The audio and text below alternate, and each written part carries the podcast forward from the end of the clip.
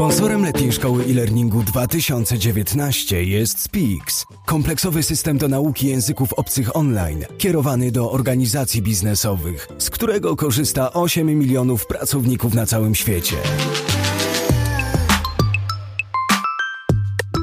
Dobrze, e, witamy w kolejnym odcinku letniej szkoły e-learningu. Dzisiaj mamy temat który może być albo bardzo długi, albo bardzo krótki, e, w zależności od tego, jak do niego podejdziemy, ale jest to temat nie mniej jednak wdzięczny, bo dotyczy tego, w jaki sposób organizować pracę zespołów e-learningowych. I już w standardowym duecie w Poznaniu. Przemek Kędzia. W Krakowie Piotr Peszko i do dzieła. Bo dzisiaj nie mamy badania, tak? Tak, dzisiaj nie mamy badania i tak jak powiedziałeś, temat może być długi albo krótki, a my się postaramy zrobić, żeby był średni. Dobra, no jakby my się też, to, to jest fair. To jest fair, nie? Czyli postaramy się wyciągnąć y, takie protipy y, z tego tematu, żeby nie rozmawiać o teorii zarządzania i budowania zespołu, a jednocześnie, żeby nie wejść za bardzo w szczegóły. Y, no i na to proponuję oprzeć tą, tą naszą rozmowę i zrobić sobie taką listę protipów dotyczących właśnie zespołów learningowych. Super. No, ja, ja powiem Ci, że w moim doświadczeniu ja miałem przyjemność zespół e-learningowy mm, budować trzy razy i trzy razy być szefem takiego zespołu, który dostarczał albo tylko e-learning, albo między innymi e-learning i, i dwóm firmom pomagać, żeby sobie taki zespół zbudowali. I kurczę, najwięcej się nauczyłem na przypadku, w którym ten zespół nie powstał. No jasne. Albo masz sukces, albo się uczysz, prawda? w sensie, w sensie nie działał, no tak, no tak. Dobra, to jak sobie, jak sobie poukładamy tę rozmowę? Od czego chciałbyś, od czego chcielibyśmy zacząć? Od czego ty chciałbyś zacząć? Bo ja sobie przygotowałem dwie rzeczy. Przygotowałem sobie mm, takich głównych graczy sobie wypisałem, których mam tutaj wypisanych, w sensie role takie w zespole. To jest jedna rzecz, którą sobie wypisałem. A druga rzecz, którą sobie przygotowałem, to jest model kompetencyjny, który moim zdaniem się bardzo fajnie, bardzo fajnie sprawdza i, i na którym można taki, taki plan zespołu e-learningowego sobie zbudować. No to brzmi fajnie. Ty może w takim razie nadaj pewną ramę tej naszej rozmowie, bo te dwie rzeczy taką fajną ramę tworzą, mhm. a ja będę sobie wrzucał te protipy, które sobie wypisałem i Dobra. mam ich tutaj chyba za 14. Postaram się wkomponować w to, co będziesz mówił. Tak, no, więc ja, ja, myślę sobie, że tak, że kiedy zaczynałem mówić o e-learningu, to w um, dużych organizacjach, których, um, których, z którymi gdzieś tam mam kontakt, przeważnie um, dzieje się to tak, jak kiedyś historycznie działo się z informatykiem. Był informatyk, już o tym mówiliśmy. Informatyk kiedyś robił wszystko. I dzisiaj jest tak, że jest taki w firmie przeważnie e-learningowiec. I ten e-learningowiec robi wszystko.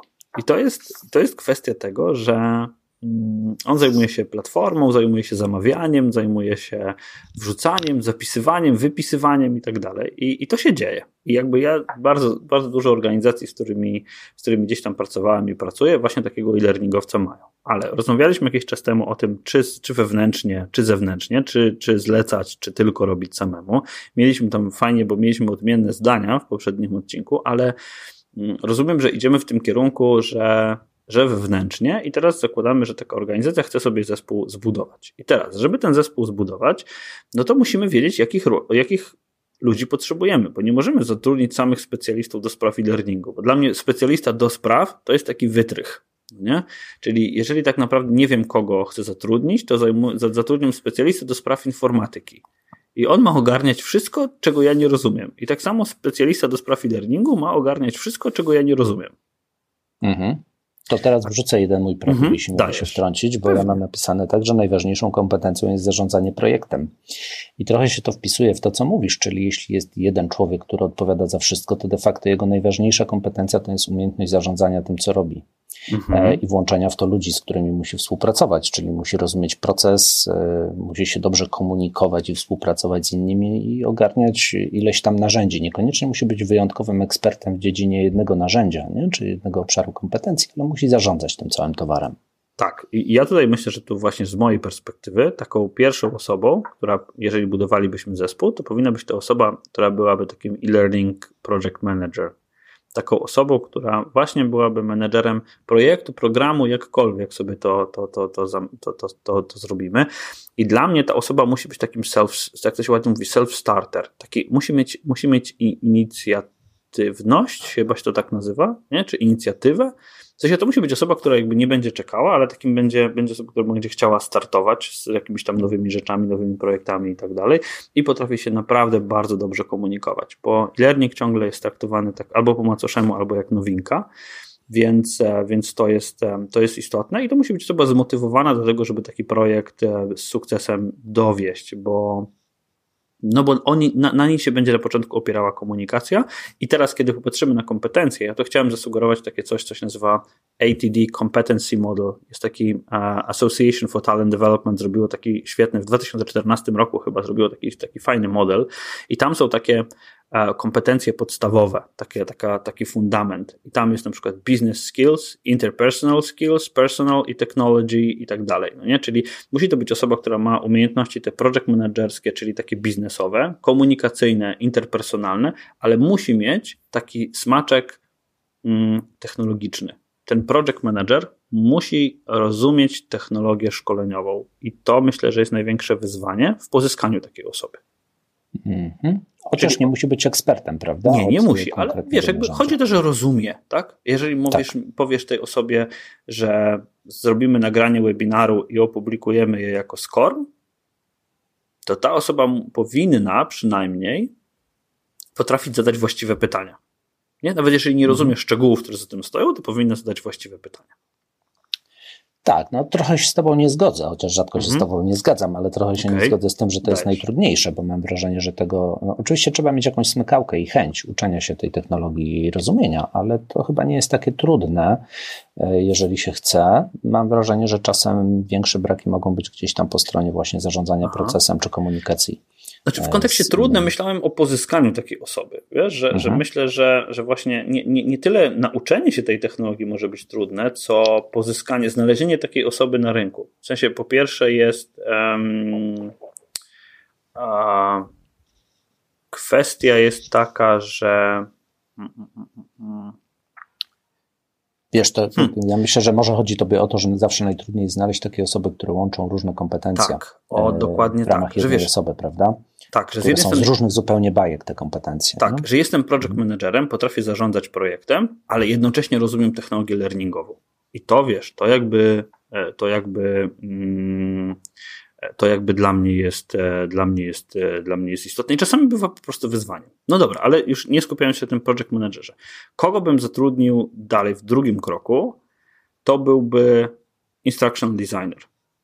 W sensie, bo uważam, że ważnie, idąc dalej w kierunku tych komunikacyjnych i pozyskania wiedzy z organizacji i tak dalej, to drugą osobą, którą bym, e, którą bym e, pozyskał do takiego zespołu, byłby projektant, czyli niekoniecznie, niekoniecznie twórca samych szkoleń, czy niekoniecznie na, ktoś, kto zna narzędzia autorskie, ale wziąłbym projektanta. Mhm. Zgadza się. To ja mam też taki protip do tego, jeżeli mogę, y, który brzmi y, mniej więcej tak. Kluczowe kompetencje trzymaj w zespole, y, pozostałe możesz zlecić na zewnątrz. I mhm. trochę w tym kierunku idziesz, czyli to, co jest najważniejsze, co obejmuje całość projektu, co jest kluczowe dla projektu, czyli właśnie projektowanie jest ważne dla projektu, pięknie wyszło, czyli trzymanie całego projektu i nadzoru nad nim, a resztę rzeczy możesz wyoutsourcować, bo te kompetencje możesz znaleźć na zewnątrz, nie? Czyli zgadzam się z tym podejściem, że to by była druga osoba. Tak, i, i tutaj wiesz, bo jakby znowu, kompetencje, kompetencje, jeżeli mogę się odnieść do ATD, kompetencja, która jest, jest po prostu cała, cała duża działka instructional design. I, i tam chodzi, e, i, i jakby w liście tych kompetencji jest po pierwsze analiza potrzeb, e, dobranie, zidentyfikowanie właściwego podejścia, E, rozumienie teorii uczenia, dalej współpraca i komunikacja, zaprojektowanie całego kurikulum, e, zaprojektowanie samego materiału pojedynczego, tak? E, przeanalizowanie dostępnych technologii, wybranie właściwej technologii, zintegrowanie tych pewnych opcji, w końcu, nie wiem, zrobienie takiego papierowego prototypu albo robienie ewaluacji aktualnych materiałów, czyli przeważnie Dlaczego też takiego instruction designera bym chciał? Bo e, przeważnie, kiedy zaczyna się wdrażać jakieś projekty learningowe, to jakieś materiały szkoleniowe już są, one już istnieją, więc skoro one już istnieją, no to, mm, no to wypadałoby wziąć kogoś, kto, kto, zrobi, kto zrobi ewaluację tego, co jest i zrobi analizę potrzeb. No nie? Więc dlatego e, takiego instruction designera bym, e, bym poszukiwał. No on jeszcze będzie pracował z następną, następną grupą osób, które przeważnie w organizacji są, już tylko trzeba je mianować, czyli takich ekspertów, tak? Czyli tych subject matter expert, albo mówiąc po polsku SMI, albo ładnie się mówi po polsku chyba ekspert merytoryczny, tak? I tych trzeba mianować. Nie? Bo przeważnie to są ludzie, którzy w organizacji już są, ale ich się mianuje, że będą ekspertem merytorycznym, rezerwuje się trochę ich czasu, mówi się im, że to jest ich obowiązek teraz, dostarczanie treści, dostarczanie ich wiedzowe i tak dalej. Nie?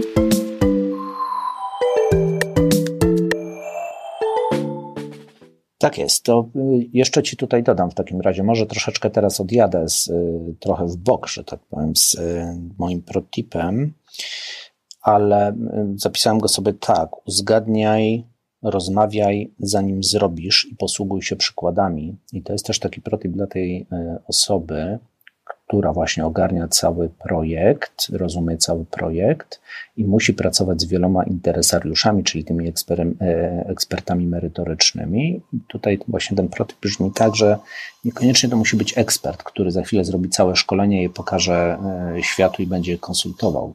On po prostu dobrze musi rozumieć całe środowisko, czyli jeśli idzie i rozmawia z ekspertami merytorycznymi, czyli z ludźmi z biznesu, z klientami wewnętrznymi, to może im pokazać przykłady na przykład, tak, czy e, podobnych realizacji, żeby się upewnić, czy idzie w dobrym kierunku. Musi uzasadnić swój projekt, omówić go i tak dalej, zanim przystąpi do pracy takiej czysto deweloperskiej. Okej. Okay. No dobra, a teraz powiedz mi, na ile, na ile uważasz, że ta osoba powinna być świadoma technologii e, learningowych? W sensie, na ile, na ile trzeba by było tę osobę wysyłać na, na konferencje, wiesz, subskrybować jakieś, jakieś grupy? Jak, jak, jak to, jak, jak byś do tego podszedł? No wiesz, to podszedłbym do tego tak, że musi być świadoma, dlatego że projektując musi wiedzieć, czy coś jest wykonalne, czy jest niewykonalne. Projektując musi wiedzieć, czy coś jest wykonalne w krótkim czasie, czy w długim i jakiego zespołu, jakich zasobów do tego potrzebuje. W związku z tym mhm. musi mieć pełny przegląd y, dostępnych technologii. Nie musi być ekspertem y, w ich realizacji, ale musi Jasne. mieć pełny przegląd. Jasne. No i teraz tak, idąc dalej w kierunku tych kompetencji i w kierunku tego, co my tak naprawdę możemy zrobić, ja sobie wpisałem taką grupkę i tutaj Chciałbym to z Tobą przetestować, bo mam, mam taką grupkę ról. Jedna się nazywa oczywiście specjalista do narzędzia autorskiego, czyli taki e-learning developer, to się ładnie mówi. Mam osobę od LMS-a i mam, mam grafika i mam osobę od komunikacji. Nie? Czyli mam takie, mhm. takie cztery osoby. Czyli jeszcze od komunikacji, co to znaczy? Co masz Taki communications manager, taka osoba, która, która dba o komunikację tego wszystkiego, co się wokół dzieje. Tak? Czyli reklamuje takie szkolenie, wysyła wiesz, przypomnienia, e, tworzy, tworzy całą, do, do szkolenia tworzy otoczkę komunikacyjną. Ja się przyczepiam mhm. do tej komunikacji, bo uważam, że to jest jedna z jedna z bolączek tego, co my, co my tak, co się tak naprawdę dzieje, że nie ma osoby, która dba o plan komunikacyjny zwłaszcza w korporacji, wiesz, jakby gdzie, gdzie tam różnych kanałów komunikacyjnych jest mnóstwo, różnych zespołów do spraw komunikacji jest mnóstwo, no to taki, tak, taka, taka osoba odpowiedzialna za komunikację mm, no jest taką, takim, e, takim łącznikiem pomiędzy, wiesz, zespołem e-learningowym też, a, a faktycznie odbiorcami. No nie? Takim, mhm. wiesz, taki, taki buduje mostek. I teraz tak, mamy... rozmawialiśmy o tym, jak to jest ważne tak. w którymś z poprzednich czyli, odcinków. Czyli mhm. mamy dewelopera, mamy specjalistę od LMS-a, mamy grafika i mamy kogoś od komunikacji. I te cztery role dla mnie, ja sobie je narysowałem na tym samym poziomie. Dlatego, że każda z nich w pewnym, sposób, w pewien sposób może być dość łatwo wyoutsourcowana. Ja wiem, że mieszamy tutaj kwestie tego, ale e, wyoutsourcowana albo też na, na zasadzie jakiegoś takiego zewnętrznego serwisu, takiego kontrakt, kontraktora, którego możemy pozyskać szybko do zespołu. No nie? I teraz z jednej strony myślę sobie, że taka osoba jak deweloper byłaby naturalna w następnym kroku. No nie?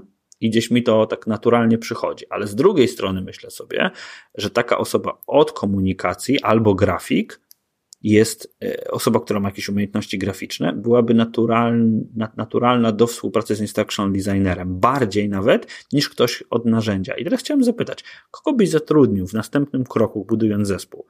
Dewelopera, czy mhm. grafika, czy kogoś jeszcze innego? Ja mam takie wrażenie, że trochę łączymy te dwie funkcje czasami, czyli mhm. jeśli ktoś ma talent graficzny, to też poradzi sobie z realizacją szkolenia w narzędziu autorskim. Będziesz miał dwie pieczenie przy jednym ogniu. I okay. wydaje mi się, że te dwie kompetencje jest stosunkowo łatwo połączyć. To znaczy, jak ktoś ma żyłkę do tego, żeby projektować szkolenie i realizować, e, to prawdopodobnie ma też jakiś talent graficzny. Nie zawsze tak jest, nie? ale mam wrażenie, że tutaj uda się to w miarę łatwo połączyć, więc szukałbym kombinacji. Mhm. A gdybym nie miał dostępnej kombinacji, to wybrałbym prawdopodobnie jednak dewelopera, y, a grafikę bym outsourcował. Y, tak jakoś jednak standardowo bym do tego podszedł, czyli tak jak się pierwsza myśl nasuwa, nie? No ale przekonaj mnie, że powinienem podejść odwrotnie. Mhm. Wiesz co, ja myślałem, myślałem o takim podejściu i to, to nie jest tak, że wiesz, jakby, e, że jakby ja, bym, ja bym podjął taką, taką decyzję albo, albo, albo, albo inną. E, co bym zrobił, to zastanawiałem się na tym, że taki grafik, jeżeli to jest grafik, rysownik i tak dalej, współpracując z instruction designerem, jest w stanie dostarczyć zewnętrznemu deweloperowi prawie że gotową, gotową rzecz do poskładania. No nie? Zna branding, zna, zna wizuale firmy i tak dalej, i tak dalej. Więc jak myślałem o takim, wiesz, takim chytrym podejściu, gdzie wtedy wyoutsourcuje tylko i wyłącznie to, jak to poskładać do kupy. No nie? Czyli grafik zrobi powiedzmy już mock-upy i tak dalej, pracując z instruction designerem, a, a deweloper dostanie tylko, wiesz, tylko do poskładania to nie? i do zrobienia interakcji jakiejś. Więc jakby e, następna rzecz jest taka, że narzędzia w tej chwili są na tyle proste, nie chcę mówić, że trywialne, bo one jeszcze, jeszcze tam potrzebują jakby różnych klocków, z którymi się zmagamy, ale grafik znający, znający narzędzie, e, narzędzie do, dobrze narzędzia graficzne bardzo szybko może stać się deweloperem. No właśnie. Bo te, bo te no narzędzia właśnie. są proste, tak? Więc jakby tutaj myślę, myślę, że. że mhm. da się to połączyć. No dobra, więc załóżmy tak, zatrudnilibyśmy sobie takiego, takiego grafiko-dewelopera, który potem by się na jakimś tam etapie pewnie się podzielił na, na grupę grafików i grupę deweloperów. A, I rola, o której chcę na samym końcu, a który, o, której się, o której się zapomnieli, to są w zasadzie dwie role. Specjalista od LMS-a i tester. Mhm. I, I myślę, że ostatni na samym samym końcu, czyli z największym prawdopodobieństwem outsourcingu, to jest lektor. Mam takie jeszcze właśnie trzy, tak? Czyli specjalista od LMS-a. Specjalista od LMS-a dlatego, że w momencie, kiedy kursów jest dużo i zapisów do kursów jest bardzo dużo, jest bardzo dużo learn, takich learning group, jak to się ładnie mówi. W Moodle jest coś takiego jak kohorta na przykład, nie? Czyli tak czy inaczej, jest duża organizacja, dużo ludzi w organizacji, ktoś musi tych ludzi przypisywać, wypisywać i tak dalej. No to okazuje się, że, że bardzo szybko to się, to się dzieje. Taki specjalista od LMS-a bardzo szybko ma dużo do roboty.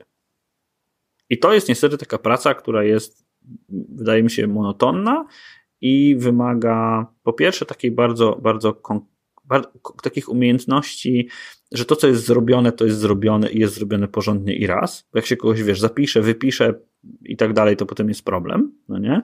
Ale bardzo szybko takiego specjalisty potrzebujemy, chyba że jesteśmy w stanie to wyoutsourcować razem z LMS-em. I to jest też bardzo popularna opcja, prawda?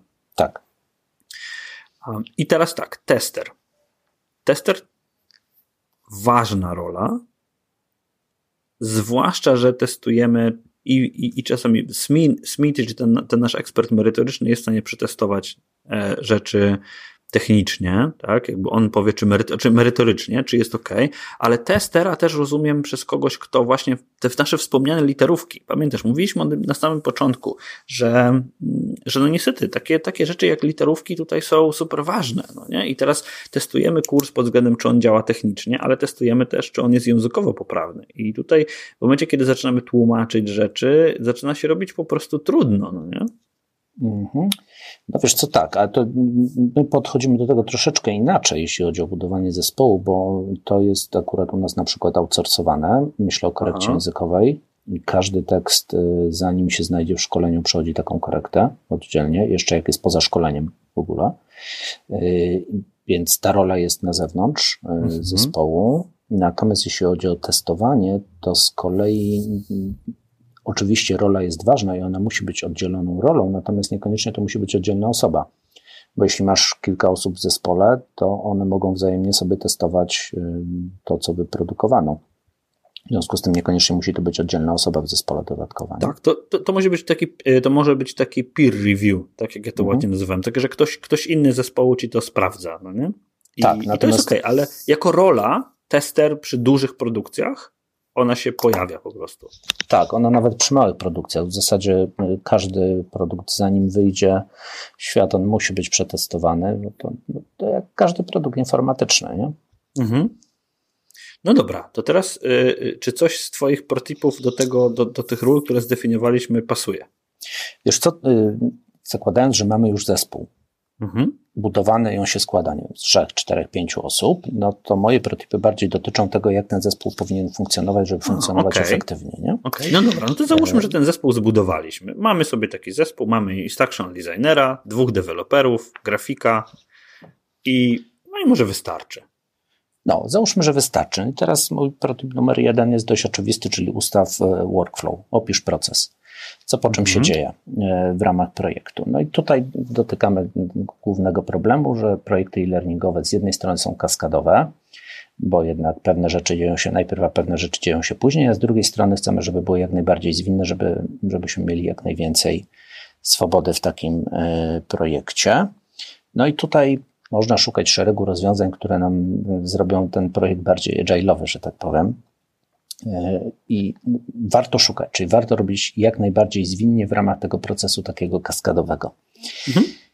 E, ale tak czy owak, najpierw rama musi być spisana. I teraz dlaczego ona musi być spisana? E, żeby wszyscy wiedzieli, w którym miejscu projektu są. Bo nawet jak masz zespół, nie wiem, 4-5 osobowy, to już masz taką powoli tendencję do tego, żeby y, ludzie się specjalizowali w pewnych obszarach i niekoniecznie oni wtedy muszą wiedzieć, co się dzieje w, w ramach całego projektu. W związku z tym myślę, że bardzo ważne jest to, żeby wszyscy wiedzieli, jak projekt przebiega, w którym miejscu jest, żeby mieli generalną orientację. I to jest taki mój prototyp trochę bardziej generalny. Mów wszystkim, y, w którym miejscu projektu jesteś, jak ten projekt przebiega, co się w nim dzieje. Kolejny prototyp, który jest z tego samego obszaru, to zdefiniuj budżet projektu i powiedz to swoim ludziom. Ten mhm. budżet y, niekoniecznie musi być wyrażony wartościowo, on może być wyrażony w godzinach. Tak? Bo gdzieś zakładasz, zarządzając sobie projektem, że on będzie trwał 100 godzin albo 200 godzin. Podziel te godziny i powiedz swoim ludziom, e, jaki jest ten budżet, ile mają czasu, e, żeby też po pierwsze to kontrolowali, ale po drugie, żeby poruszali się w pewnych ramach. E, bo jeśli nie ma tych ram stworzonych, to możesz w e-learningu, wiesz, sky is the limit, nie? No dokładnie. E, a te ramy powodują, że szukasz rozwiązania optymalnego, najlepszego możliwego w ramach tej ramy, krótko mówiąc. Mm -hmm. Ja wiesz co, kiedy, kiedy, mm -hmm. kiedy, uczę, kiedy uczę ludzi e, zarządzania projektami learningowymi, bo też mam taki przedmiot na, na studiach, które prowadzę, to mam taką tą śmieszną metodę, która się nazywa Think Inside the Box. Czyli ustaw sobie ściany pudełka, w którym funkcjonujesz. Czasowe, e, finansowe, zasobowe, godzinowe i tak dalej, no nie? Czyli jakby, żeby, żeby wiesz, żeby mieć, e, żeby, żeby nie robić think outside the box i w ogóle sky is the limit, tylko jakby ustawić sobie mm, pewne ramy, w których musimy się zmieścić, bo tylko wtedy ten projekt ma sens. Dokładnie. I ważne jest to, żeby wszyscy o tych ramach wiedzieli, nie? Bo czasem jest tak, że wie o tych ramach zarządzający projektem, a ludzie w zespole nie do końca, no i wtedy, e, wtedy się pojawiają problemy. Kolejna sprawa, słuchaj, którą mam zapisaną, to są narzędzia komunikacji e, w zespole, bo tak jak powiedziałeś, zespoły budujemy sobie systematycznie. Zaczynamy od jednej osoby, potem to przyrasta, w związku z tym są też podwykonawcy, zewnętrzni współpracownicy i teraz bardzo ważne jest to, żeby mieć jedno narzędzie, w którym zbieramy wszystko, w którym prowadzona jest komunikacja, zbierane są dokumenty, e, następuje mhm. wymiana informacji i tak dalej. Basecamp plus Slack. Ja mam, ja mam taki, taki, wiesz, no, mój prywatny mhm. typ na, na takie projekty, Basecamp i Slack. Ja wiem, że modniej w ogóle i wcale nie tanio, no ale tak, jakby jakieś narzędzie. Tych narzędzi jest mnóstwo, tak? Mówimy o takim narzędziu, tak? Czy może, może to być tablica tak. na przykład, nie? Ale tak, mówimy o jakimś tak. narzędziu. Mhm. Tak, dokładnie. No my też korzystamy z kilku narzędzi, ale podstawowym faktycznie jest Basecamp. On się bardzo dobrze moim zdaniem nadaje do projektów e-learningowych.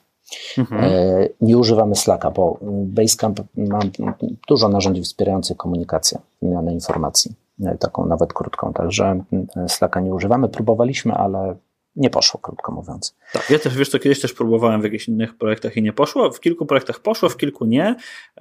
To chyba zależy od tego, na ile, na ile, na ile rozproszony zespół jest, e, bo, bo im zespół był bardziej rozproszony, tym ten Slack się fajniej sprawdzał, więc myślę, że, że to może być, to może być problem, nie? Mhm, dokładnie tak. Tak może być. Jak ludzie pracują blisko siebie, to faktycznie nie jest to aż tak kluczowe. Ważne jest to, żeby mieć to repozytorium, w którym się znajduje całość projektu, do którego wtedy każdy z zewnątrz może w każdym momencie dołączyć nie? i ma tam całą historię. Ekstra. Co ja tu jeszcze mam? Bo może, żeby zostać w tym kontekście, to ja sobie zapisałem jeszcze e, system znakowania dokumentów i archiwizacji projektów. To o, trochę się to, wiąże to, z tym to środowiskiem. Mnie, to mnie ciekawi, bo jakby no. O, to jest super. To ja się też czegoś tutaj, wiesz, nauczę. Słuchaj, nie wiem, czy masz takie doświadczenie. Jak przyjeżdża do ciebie, y, że tak powiem, wjeżdża ci na maila albo gdzieś tam na Slacka albo na Basecampa wersja szkolenia i ona jest oznaczona jako finalna przez ostateczna 17 na przykład. Mhm. Y, I tak naprawdę to już nie wiesz, czy 17 jest ostateczna, czy 18 może za chwilę się pojawi. Jeżeli chcesz wrócić do takiego projektu po dwóch dniach, po tygodniu, to nie masz pojęcia, czy która z tych wersji jest ostateczna tak naprawdę. I tutaj okay. to dotyczy nie tylko samego szkolenia, ale dokumentów, które powstają w trakcie procesu tworzenia szkolenia, no bo tam masz scenariusze, teksty, cokolwiek. W zależności to, to, od tego, jak masz poukładany cały proces. Wiesz co, my y, mamy to rozwiązane w ten sposób, że wszystkie dokumenty są oznaczone w ramach procesu projektowania, czyli mają swój y, jakiś taki y, kod, jakąś nazwę krótką, na przykład dokument tekstowy to jest TXT. I zasada jest taka, że każdy nowy dokument TXT, który wjeżdża na Basecampa, zastępuje poprzedni, czyli poprzedni jest oznaczany etykietą archiwum. Mhm. W związku z tym zawsze na Basecampie jest tylko jeden, e, który jest e, ostateczny, a wszystkie pozostałe są oznaczone tą etykietą, no i dajemy radę z tym. Okay, czyli jakieś, jakieś wersjonowanie tego funkcjonuje, tak? Tak, jest wersjonowanie, ale właśnie nie w nazwach. Nie? wrócić. Okay. Tak, możesz wrócić do poprzedniej wersji i masz tam całą historię, natomiast nie robimy tego w nazwach, właśnie żeby uniknąć sytuacji finalnej mhm. przez ostateczne 17, yy, tylko po prostu archiwizujemy poprzednie, yy, poprzednie wersje. I to tak, się to... fajnie sprawdza.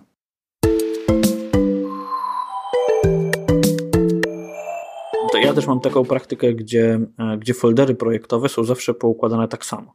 Nie? Czyli jakby te, te pliki źródłowe, czy grafiki, czy input, czy źródła jakieś i tak dalej, one zawsze funkcjonują w takiej samej strukturze folderów. To jest jakby, wiesz, coś, co ja sobie wypracowałem przez lata, ale to po prostu, to po prostu działa. No nie? I ja na przykład korzystam z Google Docsów, do, do, do, do, czy Google do Google Drive'a w wielu wypadkach do takich projektów, ale też z Google Docsów właśnie. Nawet wiesz, tak jak pracujemy teraz nad, nad, nad tym LSE, to, to takie Google Docsy są fajne, bo możesz wrócić do poprzednich wersji, ale tak jak mówisz, masz jeden plik. No nie? Mhm. Tak, czyli dwa elementy tutaj podałeś. Struktura to jest jeden. Y, mhm. Ustrukturyzuj sobie cały projekt według kategorii dokumentów, a potem pilnuj tego, który jest ostateczny i tylko ten jeden niech będzie oznaczony jako aktualny. Nie? Pozostałe y, spychaj do archiwum. Mhm. Dobra, czy, czy coś jeszcze? Bo tak teraz wiesz, jakby tak się zastanawiam na takim krótkim review, czyli mamy tak odpowiednie kompetencje, odpowiednio, odpowiednio dobrane kompetencje, a potem był tak ustalony, ustalony flow, czyli żeby wszyscy wiedzieli co i jak, ustawiona perspektywa funkcjonowania, to mamy trzecią rzecz, narzędzie jedno wspólne, w którym, którym ten projekt jest i teraz piąta rzecz to, była, to były rzeczy związane z folderami i plikami i nazwami. Mhm. To całkiem sporo się nam tego nazbierało. No, nazbierało się sporo. Ja tu mam trochę jeszcze takich e, protipów niższego poziomu e, wypisane. Mam dawać, tak? No Pewnie, dobra. no wiesz co, jakby napchajmy mięska, mhm. najwyżej ktoś w tym momencie jakby włączy pauzę i wróci za godzinę. Dobra, to może taki, taki trochę kontrowersyjny e, protip. Zapisałem go sobie tak, podziel pracę w ramach zespołu nie w taki sposób, że jedna osoba robi jedno szkolenie, jeśli masz tych projektów kilka tylko w taki sposób, żeby wszyscy robili wszystkie szkolenia. Jeżeli oczywiście to jest możliwe ze względu na, na kompetencje tych ludzi. Czyli załóżmy, że masz trzy projekty e-learningowe, to naturalna pokusa i najprostszy sposób zarządzania jest taki, że mówisz, ty weźmiesz, czy Magda weźmie to, y, Piotrek weźmie to, a Agnieszka weźmie to. I każdy odpowiada mhm. za swoje szkolenie i robi je od początku do końca. E, Moje podejście jest takie, że lepiej, jeżeli to wymieszasz, jeżeli to, jest, to są trzy wspólne projekty i każdy robi w nim e, jakąś swoją część, w której się najlepiej czuje. E, mam wrażenie, że to jest bardziej efektywne ze względu na pracę zespołową po prostu. I nie ma problemu z backupem, tak? Słucham? Jeżeli ktoś, jeżeli nie, ma, nie ma problemu z backupem. Jeżeli ktoś pójdzie na urlop, no to, reszt, to, to reszta zespołu dowiezie projekt. Nie? To prawda, mówiliśmy, to po pierwsze. Tak offline mówiliśmy o tym, że, że no teraz urlopy. Nie? Tak, tak, teraz urlopy i właśnie część mojego zespołu, na przykład e, w zasadzie wszyscy kluczowi liderzy poszli na urlop w jednym momencie. E, no i teraz zespół e, młodzieży, że tak powiem, musi sobie dać radę z projektami. No i to jest też no, bardzo nie ma lepszej szkoły. dla wszystkich. Nie ma lepszej szkoły, dokładnie. Także dajemy radę i teraz jeśli wszyscy są we wszystkich projektach, to ta to zastępowalność w ramach zespołu jest dużo większa, czyli łatwiej dowieść projekt, a poza tym też no, większa kreatywność się pojawia bo po prostu są rozmowy o każdym z tych projektów. W związku z tym łatwiej jest wymyślić fajne rozwiązania, które jest efektywne, skuteczne i tak dalej. Mhm. Więc to jest taka, ta, taka moja podpowiedź. Co jeszcze mam tutaj? No, taki standard, nie? Planuj 80% czasu. Generalnie standard jest planuj 60% czasu, bo 40% i tak ci się wypełni tym, co ci, e, co ci wpadnie. No ale powiedzmy, że ograniczmy to do 80% i zostawmy te 20% czasu ludziom na to, żeby e, była przestrzeń na rozmowę, na wymyślanie jakiegoś nowego, dobrego rozwiązania dla konkretnego projektu. Nie Przybijam piątkę i to, czasu, nie? To, to myślę, że też z mojej perspektywy takiego zarządzania zespołem to warto raz na jakiś czas, raz na kwartał, raz na pół roku, w zależności jaka tam jest dostępność, warto zrobić sobie czasami taką matrycę, albo matrycę tam pilne, ważne, albo jakieś Moskow się nazywa taki model. Warto sobie to zrobić i wyrzucić rzeczy, które e, gdzieś tam nam zjadają czas, bo okazuje się w wielu wypadkach, że e, jeżeli tego nie zrobimy, to rzeczy pilne i ważne potrafią wypełnić 120% E, naszego czasu i wtedy jakby tracimy energię i tracimy chęć do, do roboty. No nie? Więc jakby warto sobie raz na czas zrobić taki refresher, odświeżyć sobie, że planujemy na 80% i zajmujemy się w wielu wypadkach tymi rzeczami, które naprawdę są wa ważne i zaplanowane i które dostarczają wartość zespołu, a nie, a nie, a nie że są to wrzuty jakieś, nie? Mhm.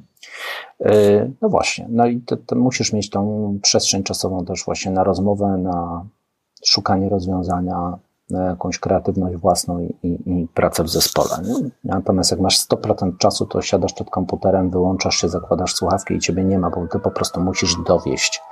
No i to y, pracę zespołową na pewno dość mocno utrudnia. Okej, okay, co ja tu mam jeszcze? Słuchaj. Um, co ja tu mam jeszcze? Coś jeszcze mam. Mam tak, nastaw zespół na rozwiązanie problemu, a nie na dostarczanie produktu. E, czyli to jest trochę bardziej taki hmm, problem dotyczący misji tego zespołu, który budujesz e-learningowego. E, i współpracy z klientem wewnętrznym, jeżeli to jest zespół korporacyjny. Bo nie o to chodzi, żeby dowieść produkt w postaci szkolenia, takiego jak sobie biznes życzy, ale żeby rozwiązać problem. I teraz czego to wymaga? To wymaga rozmów i do tego znowu wracam. Włączaj wszystkich ludzi ze swojego zespołu w rozmowy i w komunikację ze swoim klientem wewnętrznym e, żeby jak najwięcej ludzi wiedziało, po co jest to szkolenie, jaki jest jego cel, jaki problem rozwiązuje, bo wtedy dużo łatwiej o dobre, kreatywne rozwiązania e, w projekcie.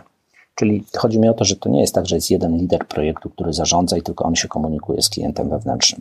Tylko żeby wszyscy w miarę możliwości byli w to włączeni. Żeby chodzili na spotkania, żeby rozmawiali, żeby czuli, co się dzieje w projekcie. Tak, tutaj pewnie wszystkie protipy dotyczące spotkań mógłbym wrzucić, ale jedno pytanie, które dla mnie jest kluczowe. Po pierwsze, jaki chcemy, jaki chcemy rozwiązać problem, to jest tak high levelowo, ale jeżeli mówisz o spotkaniach, to, to dla mnie jest jakby warto rozpocząć spotkanie od zdefiniowania, z czego, z czym chcemy z tego spotkania wyjść. I jeżeli osiągniemy to, z czym odpowiedź na pytanie e, i wiemy, z, czego, z czym chcemy wyjść i zrobimy to, to możemy iść. Żeby taki ma, ma, mikrotip, żeby nie robić nasiadówek, tylko ok, mamy tu ustalić to i to, ustalmy i idźmy. Tak, dziękuję, że mnie sprowadziłeś na ziemię.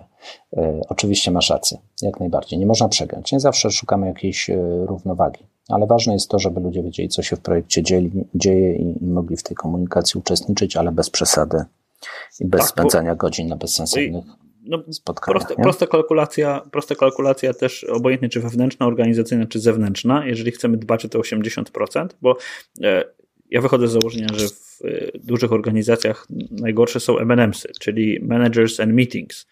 I czasami te spotkania, już siedzę na spotkaniu 15 osób i dyskutują dwie godziny. I ja zawsze liczę 15 razy 2 to jest 30 roboczo godzin, no nie? A, a dyskutujemy czasami, na tym spotkaniu dyskutuje się o, wiesz, e, o tygodniu czy dwóch tygodniach pracy, a właśnie w tym samym czasie spala się 30 roboczo godzin e, siedząc i dyskutując jakieś niepotrzebne rzeczy. Tak jest, czyli szukajmy tutaj e, dobrej równowagi. Mhm w tym zakresie. I słuchaj, ostatni, jeśli mogę. E, no mam jasne. wrażenie, że e, najważniejszy i najciekawszy, ja go sobie zapisałem, nie blokuj zmian. E, no bo często dochodzi do takiej sytuacji w projektach e-learningowych, że mm, jesteś na końcu, wysyłasz to do swoich klientów wewnętrznych, interesariuszy i się okazuje, że nie tak. To jest największe ryzyko projektowe, tak? Jak gdzieś na końcu się okazuje, że musisz wprowadzić zmiany. Czasem jakieś fundamentalne, albo na przykład rozszerzyć zakres merytoryczny. No i teraz jak sobie z tym poradzić? Hmm? jak sobie z tym poradzić. E, Powiem ci, że jakby w większości projektów tak miałem, że, mhm. że, że coś trzeba zmienić, coś trzeba dodać i, i tak dalej. I rzadko zdarza mi się być takim upartym osiołkiem, który powie: Nie, już nie możemy, bo ustaliliśmy co innego. Bo no bo to będzie taki typowy waterfall i w końcu ktoś będzie i tak z tego niezadowolony. Nie? Ja myślę, że tu jest, tu jest magia tego, żeby wiesz, jakiegoś kompromisu. Nie? I czasem kompromisu osiągniętego w prosty sposób, nie wiem, zredukowania innej treści, dodania innej, z umówienia się na update, nie? To jakby mm, czasami z tego, czasami z tego wewnątrz organizacji wychodzą nowe requesty i nowe projekty, a więc jakby bycie otwartym na, na zmianę i nie negowanie jej. Myślę, że nie ubijanie, nie, nie ubijanie sugestii zmian od razu z zasady. To jest, to jest wiesz, nie, nie, nie, nie okopanie się e, w, w swoim stanowisku, i, bo czasami może się okazać, że w tym okopie zostaniemy sami. Mhm. I tu chciałbym wrócić jeszcze i uzupełnić to, co mówisz, do tego prototypu. Nastaw się na e, rozwiązanie problemu, a nie na dostarczanie produktu. Bo jeśli dobrze rozumiesz problem, który szkolenie ma rozwiązać, to stajesz się partnerem dla wszystkich swoich klientów wewnętrznych mhm. E, i dla biznesu i możesz rozmawiać o tym, czy dane rozwiązanie, czy dana zmiana jest zasadna e, i jesteś wtedy też proaktywny w tym projekcie.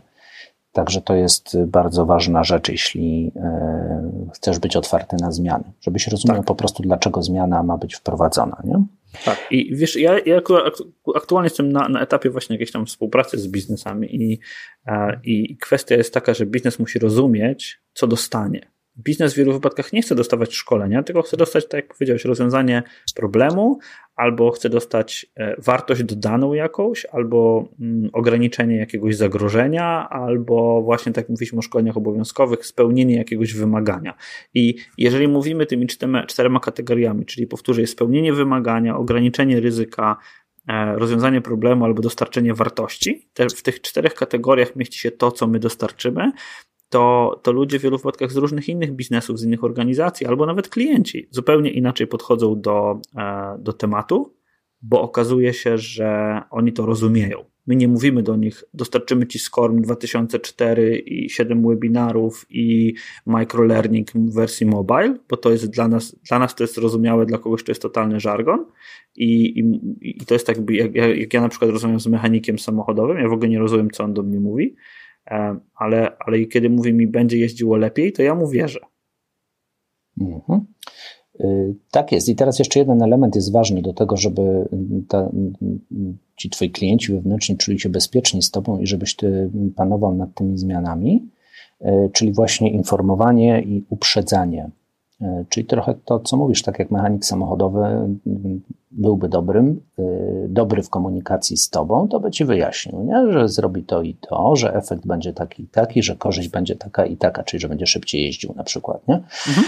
E, no i jeszcze ci pokażę jakiś przykład, chociaż może z mechanikiem to trudno, musiał ci jakieś pewnie nowe auto podstawić jako przykład, ale w e-learningu jak najbardziej, tak, to będzie wyglądało tak i tu się możemy posłużyć przykładem. Te decyzje na przykład musimy podjąć na tym etapie, bo jeżeli ich nie podejmiemy, nie podejmiemy teraz albo podejmiemy je błędnie w tym momencie, to, to efekt czy skutek będzie taki i taki. No i tutaj ta, ta rozmowa, informacja, uprzedzanie y, to jest kluczowa sprawa i może to tak brzmi trochę banalnie, ale na przykład u nas w zespole przykładamy do tego olbrzymią wagę, żeby y, na przykład prawie w każdym mailu, w komunikacji z klientem uprzedzać, na którym etapie jesteśmy, jakie decyzje podejmujemy w tej chwili, dlaczego one są ważne w tym momencie, a nie później. E, jak to się przekłada potem na termin realizacji tego projektu, na budżet realizacji projektu. To czasem wystarczą dwa, trzy zdania, albo nawet jedno zdanie, tak? Mm, takiej informacji, które e, pozwala tej drugiej stronie też rozumieć, w którym miejscu projektu jesteśmy i jakie decyzje podejmujemy. No, wiesz co, ja myślę, że mm, przychodzi mi tutaj do głowy taka rzecz, że powinniśmy w tym projekcie dostarczyć taki przykładowy mail. Wiesz, myślę, że fajnie było nam wypracować taki mail statusowy. Albo taki, wiesz, mail na rozpoczęcie projektu, mail statusowy, mail na zakończenie projektu, albo chociaż jeden mail taki przeanalizować. Myślę, że to może być jakiś. E, zobaczymy, może nam się uda zrobić taki odcinek, jakiś dodatkowy, ekstra, ale myślę, że to, e, że to jest ważne, żeby właśnie e, wrócić do tego, że, że nie da się nie, nie, da się za bardzo poinformować kogoś o tym, co się dzieje. I, I, znowu te wszystkie kompetencje, zobacz, sprowadzają się nam do tego, że wysłanie dobrego maila i solidna praca, e, no to jest klucz. No tak. Znowu się okazuje, że jest to w dużej mierze rzemiosło y, z domieszką artyzmu, y, cały ten e-learning. Tak, nie ma magii. Tak, nie ma, nie, no trochę tej magii jest, nie, ale musisz mieć naprawdę solidną rzemieślniczą podstawę, żeby potem na niej budować to, co jest artystyczne, co jest twoim pomysłem, koncepcją, co jest jakąś wyjątkową grafiką, sposobem przekazu i tak dalej. No i myślę, że to jest super podsumowanie. Przy Więc, tym zostańmy. Tak, przy tym zostańmy. Dziękuję bardzo za, e, za uwagę. E, zapraszamy oczywiście do subskrybowania, komentowania i wrzucenia zdjęć. Także pojawia się coraz więcej zdjęć z samochodów, z malowania, z remontowania, gdzie ludzie słuchają letniej szkoły i learningu. Dziękujemy bardzo, nas to fajnie napędza. E, dziękuję również za komentarze, które się pojawiają i kudosy, a także za odcinki ekstra, bo coraz więcej osób nagrywa dla nas i będą się to, będzie się to pojawiało jako odcinki ekstra, więc uwaga, uwaga, w sierpniu będzie więcej niż dwa odcinki odcinki w tygodniu. Super. Bardzo dziękuję wszystkim nagrywającym i słuchającym. Do usłyszenia. Cześć.